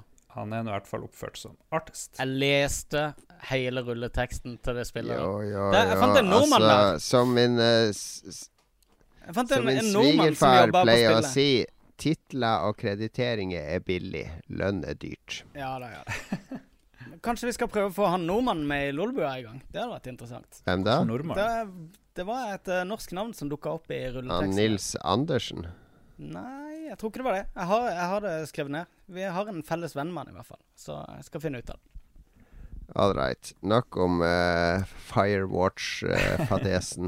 jeg har spilt eh, Destiny. Ja. Det har vært sånne uh, eh, valentines-aktiviteter i Destiny der du kunne spille to versus to, da. Spille med kjæresten var greia. Mm. Uh, det var, var ganske kjedelig. Så. men, men jeg gjorde det Jeg gjorde de syv kampene man måtte ta sammen med sønnen min. Uh, et par veldig ka eh, spennende kamper. Folk er litt for flinke i Crucible for meg, da. Men eh, eh, Og så fikk vi ingen reward, bortsett fra et sånn kjedelig emblem. Men så sa det Bungie at uh, vi skulle få noe i ettertid, så jeg får sånn 320 Ghost. Så det gleder jeg meg til å få. Så det har jeg spilt. Hvem du spiller med for tida? Jeg spiller mest alene, bare for å slappe av. Jeg er imponert over at du holder, holder Destiny-kjøret. Jeg syns det er så mye mas å spille med andre, fordi det er så mye folk som har så mye forventninger. Det er Akkurat som når vi hadde raid på slutten, der folk blir sure hvis noen skal på do og sånn. Det er eh, Der spiller du med feil folk. Ja, det er mulig det. Mulig det. ja, ja. Ellers er det bare Destiny som gjør sånn med folk. Ja, det er nok også et poeng. Lars, har du, uh, har du uh, spilt noe annet enn det vi har snakka om så langt? Eh, nei, men jeg har spurt folk hva de syns om eh, Firewatch. Det har jeg gjort. Eh, så det er noen kjappe tilbakemeldinger. Hun Kristine Halvorsen, eh, som du vil jobbe med, Jon, gjør du ikke det? Ja, hun jobber for Ja, meg. skikkelig kul opplevelse. Kjøpt og betalt? skikkelig kul opplevelse med mye sært innhold. Uh, The X-Files taught me to trust no one, sier hun. Ja. Vi, Sånn spilte jeg også um, um, Firewatch, med at jeg var skeptisk til absolutt alt som skjedde. Mm. Uh, og uh, gikk, gikk hele tida og venta på at noen skulle stabbe meg i ryggen. Si sånn. uh, en ting som var veldig kult med spillet, som jeg kan si uten å spoile noe, er at du føler deg veldig utsatt. Du er, veldig, du er hele tida veldig klar over å være aleine i skogen. Sånn at Mm. Jeg merka etter hvert så altså, Du utvikler en viss sånn paranoia for at noe skal skje. For det er så lenge siden du har sett noe skje hele tida. Så hver gang jeg klatrer opp noe, så venter jeg bare på at eh, på toppen her Nå, nå skjer det noe drit. Nå støkker jeg. Nå blir jeg angrepet. Eller. Så det var en veldig, veldig eh, overraskende greie, og, eh, og paranoia utvikla seg um, i løpet av spilletida der. Så Ja. trust no one. Det er et godt tips. Just goddamn no one. Um, og Cato Kristoffer Hagen sier at han spilte i dag tre. Det er jo kanskje ikke så veldig langt. Digger det så langt. Fet åpning. Mange issues på PS4. Patch, please. Um, jeg spilte det jo unna på én kveld. Det der spillet. Jeg fikk den der litt sånn Ja. Når noen anmelder spill, så har man den der 'jeg må bli ferdig og skrive anmeldelse', og spillet er så kort at Ja. jeg kan like gjerne spille gjennom alt. Så jeg satt jo til klokka halv to på natta og spilte det og trodde hele tida at nå må det jo være ferdig.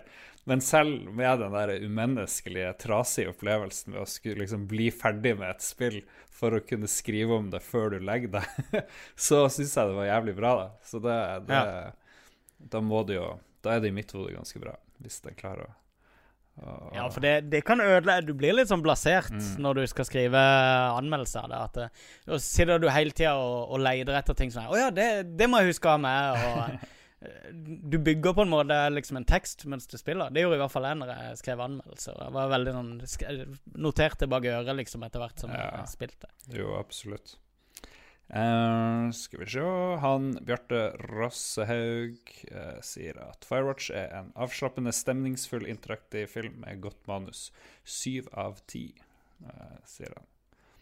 Så det er jo Jeg er for så vidt enig. Enig der. Til slutt, Jonas Flatjord må digge Delilah. Kul atmosfære og passe spooky. Men kunne gjerne vært lengre. Kjørte smooth på Mac. Eh, og angående kommentar om issues på PS4. Så da vet vi det. Ja, eh, jeg, jeg syns ikke det burde vært lenger. Jeg syns de Jeg syns de brukte det lenge Eller du blir aldri lei, da. Mm. Og, og det er en kunst i seg sjøl, syns jeg, å vite når, når grensa går for når det blir rutine, og du begynner å ta ting rundt deg for gitt. Og der, der syns jeg de balanserte det bra. Så eh, jeg er ikke enig i at det burde vært eh, lenger. Selv, selv om jeg digga verden og gjerne skulle vært der lenger, så syns jeg storyen og spillet ikke la opp til å være der lenger enn det Mm. hun gjorde. Syns jeg. Programleder, over til Oslo. Ja, er vi ferdig med Firewatch nå? Ja, det. Ja, det. Bra. Har vi flere lytterspørsmål? Vi har mye random uh, lytterspørsmål. Vi trenger jo ikke kjøre gjennom alt. Vi kan spare litt til uh, neste gang hvis noen uh, Vi kan jo se nedover lista. Er det noen er det noen spørsmål som skiller seg ut? Jeg liker jo Vegard Megaman Mudenia sitt Alle spill i hele verden destrueres fordi noen gamlinger i Tyskland ikke liker gamere. Men dere får ta vare på ett spill som er det eneste dere kan spille resten av livet. Hvilket? Choose wisely. Det var jo veldig morsomt og random uh, spørsmål, må jeg si. Um, ok, Men er det det eneste eksemplaret av det spillet? For da må man liksom kutte alle multiplayer-spill. Ja, Eh. ja kanskje det. Jeg hadde sannsynligvis uh, lært meg å spille Virtua Fighter og hatt det resten av livet mitt. Jeg, jeg har inntrykk av, at Virtua Fighter er et sånt spill du kan spille hele livet ditt og fremdeles bli bedre i. I hvert fall. Ut ifra hva jeg kjenner til av folk. Og det er et spill hvis det bare fantes ett eksemplar av. Du kunne invitere folk til å, til å spille versus-kamper på samme skjerm. Akkurat i dag, hvis jeg skal svare, hvis, uh, hvis jeg kunne spille online med andre, så, så ville jeg selvsagt sagt Diablo 3. For det, jeg sitter og tenker på Diablo 3 mens jeg prater med dere akkurat nå. Jeg, jeg tror faktisk jeg bare hadde gått for Tetris. Ja. Ah. Bare kunne jeg hatt det med meg, hadde jeg hatt noe å spille. eh, Noe som holder tidens tann. Ja. Mm. For det er jo Det er jo skummelt. eh, Og jeg tenker det er noe man ikke går lei. Hva med Candy Crush? Ja, faen. Og så, og så går du tom for liv, og så må du vente en time, og så har du ingen andre spill i hele verden. Det er kjipt, altså. Så da, da går jeg heller for Tetris. Ja, godt Jon. Cato, uh, Among the Sleep, om og om om Nei, jeg tar. Tetris. Tetris er jo Det er jo jeg helt Det er jo no-brainer. Jeg ble lei av Tetris på 90-tallet, må jeg ærlig innrømme. Jeg har, jeg har ikke plukka det opp siden 90-tallet. Jeg, eh, jeg har vært innom de der Tetris Blitz og disse litt sånn nyere iterasjonene og sånn. Men uh, dette her med sånn klassisk gameplay og, og alt dette her, det, jeg, jeg ser poenget med det. Men uh, for min del så finnes det mange spill som, som Gå, gå og spill med. Jackie, du. Jackie og Nina. Hvis jeg får overtale alle mine venner til å gjøre det samme, så må de dra med enten Destiny. Ja, Destiny kanskje hvis det er moderne, eller uh, X-Pilot, selvfølgelig. Det hadde jo vært ja, uh, morsomt. Men uh, hvis det er Jeg syns Tetris er et godt forslag, men jeg tror jeg hadde valgt um, uh, Pokémon Pinball. Det med to brett, eller hva det nå er. Det, Ja, ja, det kan jeg spille forever, tror jeg. Det var på Gameboy der, var det ikke det? Gameboy Color. Ja, det spilte jeg ganske mye. Ja, det var ufattelig kult, faktisk. Veldig, Mm. veldig bra spill. Eller kanskje jeg kanskje omstemmer ombestemmer meg og tar eh, Minecraft i stedet for. For der uh, har du jo ganske mye muligheter. egentlig, Ingen modder, da. Ingen modding. Ja, Det står ingenting om det i problemspillet. Om Jo, men du må lage moddene sjøl. Altså, det står at alle spill i hele verden destrueres, ikke alle modder i hele verden. Ok, men Vil du si at uh, uh, At eh, ingen modder er teller som spill, da? Er det det du sier? Vår, vår gjest Bjørn det er prøver å si noe. Må det ikke være Ja. Ja. Ja, nei, jeg bare tenkte Siden det er så mange som lager ting med redstone og dritt, så kanskje det hadde gått an å Mm. lage Tetris i Minecraft. Det tror jeg allerede er gjort. Uh, Ja, for da hadde du på en Mm. måte Det fått ganger. med det i samme slengen. det Da Ja, det. faller jo den Tetris plutselig langt ned på lista, da, må jeg innrømme. ja det, jeg ser den. Som Jeg, ser den. plutselig dårlig forslag.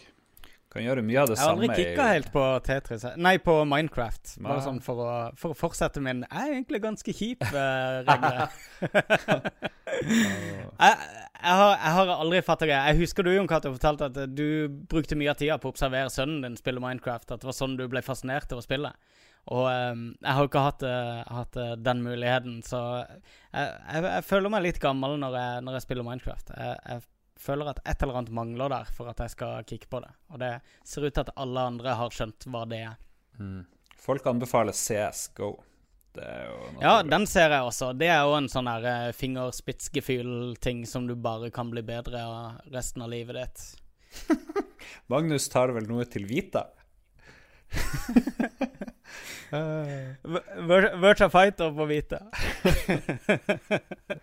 PlayStation Allstars Battle Royale. Yes, det blir Magnus yes. sitt eh, spill i apokalypsen. Yes. Det, det kan jeg spille resten av livet mitt. Um, Definitivt. skal vi se, Bjarte Rossehaug har jo et bra spørsmål. Hvilken floppkonsoll hadde vi helst sett hadde suksess? PlayStation hadde en sånn her eh, håndholdt uh, denne generasjonen. Nei um, Nei, uh, jeg tror mange vil si Dreamcast Ja. når vi snakker om floppe konsoller. For det at den hadde veldig mye for seg. Og eh, Den gjorde jo at Sega slutta å lage hardware i tillegg. ja, de, de fikk så uh, fylle nerver av hele den fadesa at de bare ga opp alt.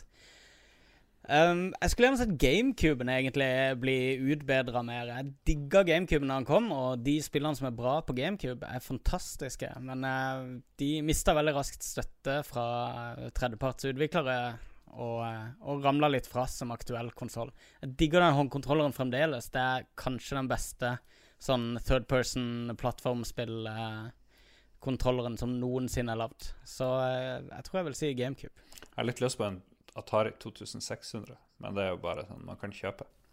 Ja. Du må jo velge Lynx, du. Ja, er du Ja. gal? For et genialt forslag. Og- Ja, nå har jeg tatt den, så nå kan ikke du ta den. Ja, ja, ja, jeg Du må- tror jeg går Men du jeg, får ta 2600. jeg, jeg, tror, Ja. Bjørn. jeg kaster inn en brannfakkel og sier Nokia Engage. Men, men, Tacoen! men med tanke på liksom hvor bra det funka å putte alt annet i mobiltelefonen, så tenker jeg kanskje, hvis vi hadde gitt det litt tid, gitt noen iterasjoner, at det kanskje kunne blitt noe ut av det. Vi hadde et sånt Ta- her samarbeid med Nokia på, eh, i både Akosmikk og Spiderman, faktisk. Og jeg hadde en eh, Engage på hjemlån ganske lenge og testa ut alle spillene som kom. Det Kanskje i den 300 000. iterasjonen at uh, de kunne begynt å nærme seg et eller annet som var brukbart, altså. Men det var, det var langt unna potensialet. Ja, ja, men altså, jeg den. tenker uh, Phantom Hourglass, for eksempel. Det spilte du utelukkende med en stylus. Så det er jo et spill du kunne spille på telefon hvis de liksom på en måte hadde latt det gå, uh, gå videre. Med Ja. touchskjerm og sånne ting. Så Men fordelen til Engage var jo at den hadde knapper. Bra funksjonelle fysiske knapper. Og så kunne du vri Og tacoform. ja, Ja, og jo. tacoform. Jeg prøvde aldri Engagen, jeg bare likte konseptet. Uh, Mm. Så kanskje det er fattig nostalgi og, og, og, og, og drømmer om en bedre framtid. Jeg har begge uh, utgavene av Engage her et eller annet sted. Du kan få. Har du det? Ja, ja, ja. ja. Og jeg ble bare få vite. Har du, har du begge versjonene av Jeg, Engage? jeg, jeg gikk rundt på GDC et år med tacoutgaven som du måtte holde ut som en sånn latterlig øre. Eller sånn, sånn halvpannekake. Det gjør at hodet ditt ser ut som en D. Ja, ja, ja. Fordi det fullfører liksom sirkelen en på den ene sida. en hank på hodet. Du, jeg faktisk Jeg har en hettegenser med Engage-logoen på, kom jeg på nå. Som jeg fikk sammen med denne her utlånsgreia. Så jeg har eh, gått rundt og, og reklamert for Engage, tydeligvis, i mange, mange år. Um, Yes, eh. Jon Cato, hva du sa Atari Lynx? Eh, ja. Ja, veldig bra eh, forslag. Den går jo veldig fort tom for batteri, da. Det er det eneste minuset. Men jeg har jo to Atari Lynxer liggende og fikk tips av en fyr om hvordan man skulle ordne skjermen, så det har jeg lyst til å gjøre. Det hadde vært noe. Jeg skulle ønske smart-TV hadde slått igjennom som en spillplattform. Nei, det var Eh, skal vi se Jeg lovte av en eller annen grunn å svare på det her spørsmålet. Fordi, Kanskje mest fordi det er litt sånn matspørsmål.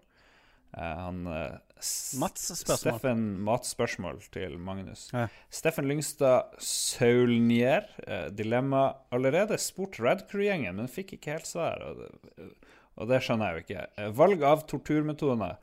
Metode. Ananas kjørt opp i ratata som, i, som Hitler i Little Nicky, eller kong Leopolds eple i munnen, som i Harry Hole. Og jeg skjønner ikke hvorfor ikke eh, Radcrew svarte på det, da, men Magnus som matekspert, eh, hva du tenker? Ananas eh, eller kong Leopolds eple i munnen? Hva er det for noe? Det, det må jo du vite. Eh, Nei, det høres ut som torturmetoder. Jeg, jeg, jeg, kan, jeg kan bekymringsmessig mye om torturmetoder òg, men jeg har ikke hørt tilbake til den. Uh, nei, si det. Uh, når du snakker om foretrukne, er det hvilken uh, Hvis man var nødt til å bli utsatt for en av de, hvilken man ville velge, eller hvilken som ville være den verste? Og Et annet spørsmål er egentlig om denne her ananasen skal skrelles eller ikke. Det tror jeg, tror det er en faktor. Hva sier du, Bjørn? Vår andre eh, fra matpanelet denne gangen. Nei, altså jeg tenker på hvis noen skal kjøres opp i ræva eh, eh, Jeg vet ikke hva dette Leopolds eple er, men et eple i munnen Det høres ut som noe som du får stappa i kjeften. Ja, da. men jeg tenker et eple i munnen høres uansett bedre enn en ananas i ræva. Så uten å vite hva det er, ja, som, så må jeg jo gå for det eplet. sier. Som ordtaket sier. Det er bedre med et eple i munnen enn ananas i ræva. Ja, men det tror jeg òg. Det, det er noe i det ordtaket. Ja. Men hva om det var sånn ananasbiter? Men er- ja, men ja, ja. Så så du bare dytta inn en og en sånn liten, liten ananasbit til du hadde, hadde på en måte brukt opp en fullverdig ananas? Okay, vi, har Ja, fått, altså, da- eh, vi har fått beskrevet da- det eplet, da. Bare. Ja. En metallklump som settes inn i munnen. Ut fra klumpen henger en tråd. Trekkes tråden ut, kommer det lange spikes ut. Ah, ja, riktig. Herregud. Ja, nettopp. Altså det er litt sånn type så-greie. Ja, det høres litt såete ut. Men eller, eller Ludvig den 13. Du kan liksom velge. Men, men jeg, har, jeg har lest det at hvis du At ananas basically etser bort tunga di hvis du hadde latt eh, en ananas ligge i kjeften din i 24 timer. Ah, Så jeg vet ja. ikke helt hvor keen jeg er på å få det ananaskjøttet opp i um, Nei, og det, det var det jeg hadde tenkt å si. At det, er to litt sånne der, eh, artige varianter med skrelt og ikke skrelt ananas i, i den sammenhengen. Jeg vet ikke om det hadde etsa bort uh, tunga di, men det brukes jo, ananas brukes jo veldig mye marinader. Mm. Nettopp fordi at det har en sånn uh, effekt. Um, Jeg har en kompis som liker å si at når du spiser ananas, så spiser ananasen deg. Eh, Ja, for det, det, det har jeg hørt. Det har jeg hørt. Jeg er jo allergisk mot både ananas og eple, så jeg sier nei takk til begge deler. det overrasker ingen. Men da blir det jo eple, da, for det er en metallklump. Ja, men du er jo ikke Har du metallallergi?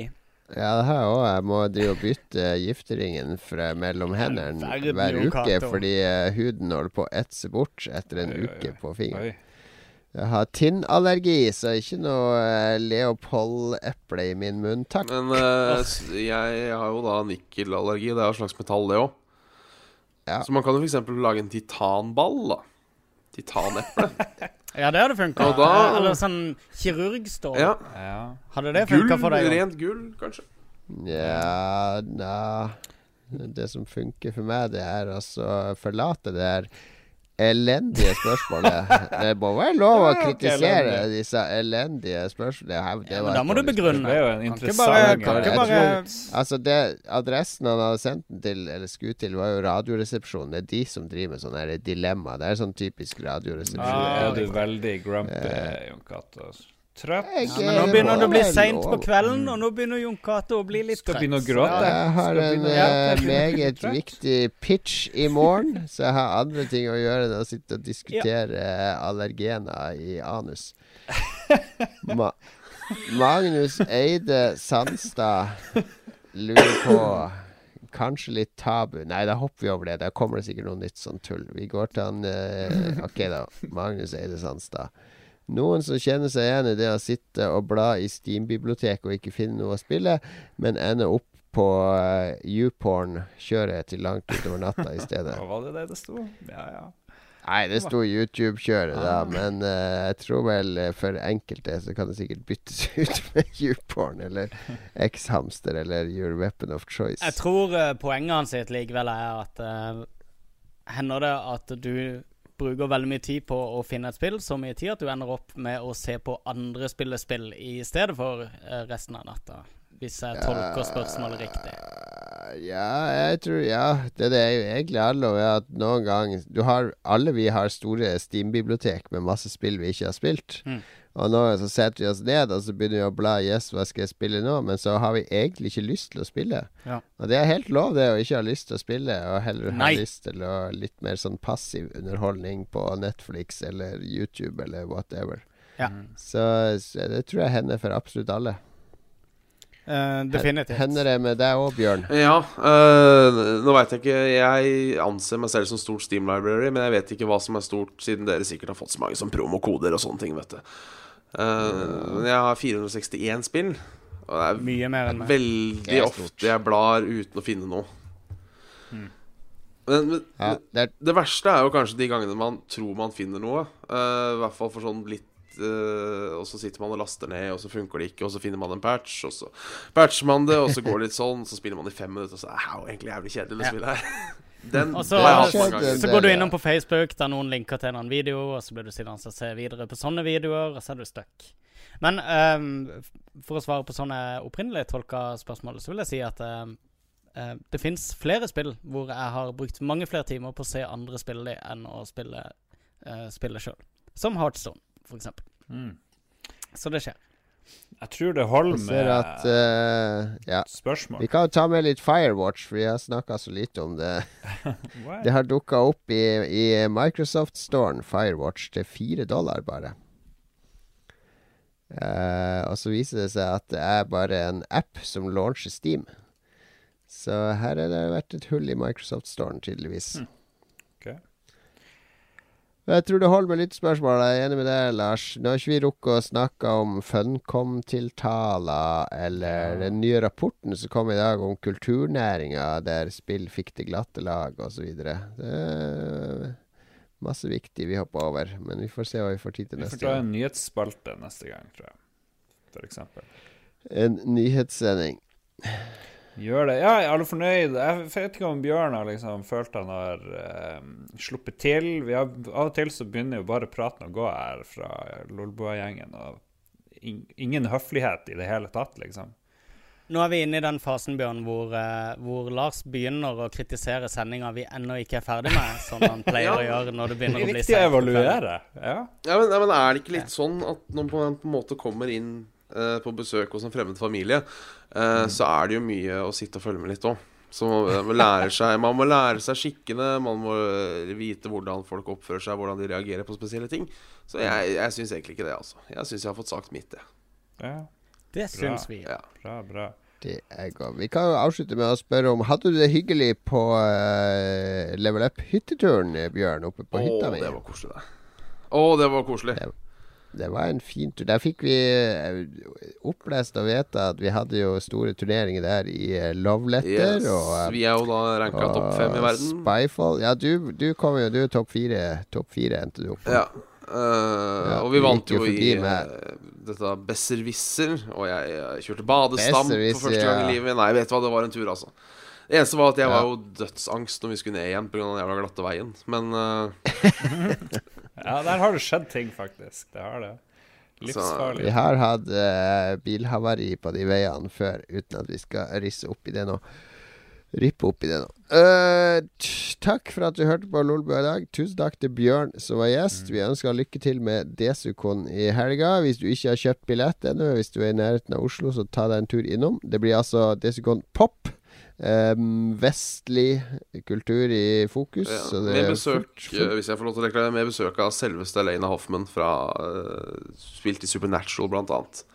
Som har Abaddon der. Hun kommer og har en Q&A og litt signering og sånne ting. Så det blir stas. Ja. Vestlig kultur. Lars, du kunne jo gått kledd ut som Donald Trump. Det er jo vestlig popkultur på sitt beste. Det hadde vært så bra. Jeg har jo sånn hentehår for tida, så det hadde Ja, du har ja, det. Du har det. Det hadde vært perfekt. Neste, neste år. Jeg håper han blir president. Så blir det bare Donald Trump. Veldig bra. Da er det ikke ikke bra. frivillig lenger. Nei, nettopp. Dra på Desikon i helga. Gjør det. Uh, ellers så vi er tilbake neste uke en eller annen gang. Jeg har litt sånn uh, racing og tett program neste uke, men vi må klare å skvise inn en episode en eller annen gang. Ja. Worldwide. Mm. Var det der du skulle ta Eh, opp noe, Jon? Du har liksom lova Ja, det kommer kanskje en reportasje Kanskje. på Lolbua i løpet av neste uke. Vi får se hva vi får til. Det betyr nei, folkens. Ladies and gentlemen. Nei, det betyr ikke nei. Nei betyr Nei nei. betyr nei. OK. Nå må jeg legge meg. Jeg var oppe kvart på fem i morges. Såpass, ja. Det er ikke- også nå, Bjørn, nå er vi inne i den fasen hvor Jon Det er Cato forteller oss om søvnmønsteret sitt. Ja, men Det er ikke alle som kan stå opp og drikke milkshake til frokost. Og nå sånn er vi over andre i fasen hvor Jon Cato moraliserer over andres livssituasjon. Ja. Ut ifra sin egen. Jeg, moral jeg er pappaen her i huset, så det er lov å moralisere. Jeg moraliserer for ungene mine dagen Kan lang. ikke du klage på at Digger sikkert for det. Kan ikke du klage på at jeg syns det var litt dyrt med den nye Louis C.K.-standup, eller den TV-serien hadde Det var jo fantastisk. Hva var det? Vi, nei, vi skal ikke inn på det nå. Det kan vi snakke om neste gang. Takk, Bjørn. Eh, Nå må du bli frisk til det som går i helga. Det ut at Du skal skal altså. annonsere mye fra scenen og og ja, stemmen er viktig i slike arrangement. Eh, takk til Lars, som var med nok en gang. Eh, Solstrålen fra Harstad. OK. Takk til Magnus, regnskyen fra Kristiansand. Og takk til meg sjøl. Eh, trøtt og litt grumpy, men eh, mye på gang. Eh, lov å være i bedre form til neste sending. Følg oss på Twitter at Lolbua. Facebook Lolbua. Vi har en Instagram som aldri brukes, så der kan du bare avfølge oss. um, jeg har begynt på Snapchat nå å legge ut litt bilder, så du kan følge med på Snapchat. Og jeg vet ikke om Lars og Magnus gjør noe der. Nei. Ja, Nei. Er du på Snapchat, Bjørn? Jeg er på Snapchat. Ja. Og følg podkasten din, Saft og Svele. Ja. Finn på Ja. iTunes. Og, Finn på iTunes og Facebook og SoundCloud og hele, hele. Right. Saft og Svele. Men vil man at folk skal følge Snapchaten din som ikke kjenner deg? Er ikke det? Hva er poenget, liksom? Jeg aner ikke, jeg er for gammel for Snapchat. Ja, jeg bare nei, putter det er ut min der. sånn Jeg strek i trykker på sanda. Det er. Snapchat. Markedsføring. Jeg trykker på knapper, Ja. peker på ting med kamera, og så, og så er det borte. Så det, hvis, hvis det kanskje Hallo! en åpent sted Hallo! Jeg er litt sånn altfor gammel for Snapchat. Right. Du, det er veldig kult å ha gjester som er vant til å prate med mikrofoner. Jeg merker det. det, det, det flyten går veldig fint i Lolbua, syns jeg. Det er gøy å ha deg som gjest. eh, Jo, takk. Det er veldig Ja. gøy å få være gjest òg, må jeg få lov til å si. Det, det har jeg glemt å si, men det var veldig stas å bli invitert. Det var det jeg prøvde, liksom, å gi deg muligheten. Ja. Veldig bra. Da sier vi ha det til våre lyttere. Vi er tilbake om en uke. Yes. Følg med, følg med. Ha det bra. Ha det.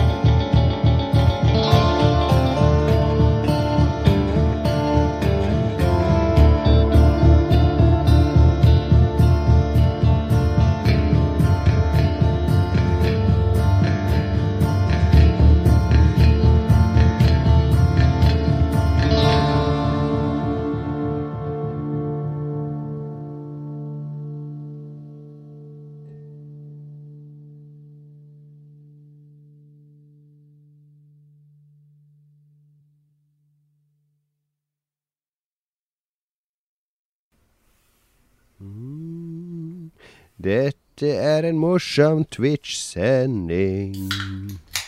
Med litt underholdning. Her kommer Lars. Han har hentet seg en brus. Pepsi Max. Hva slags brus? Er det Cola Zero? Det, vi er jo sponsa av Pepsi Max. Mm, synes vi Norge burde legalisere cannabis. Det syns vi selvfølgelig. Vi Legalisere syns de burde gjøre det mer ulovlig, faktisk. At eh, det Ja. bør komme en, eh, Det en lov som, eh, som henter inn forbud mot cannabis inn i Grunnloven. Så det blir den første loven i Grunnloven er at cannabis er ulovlig.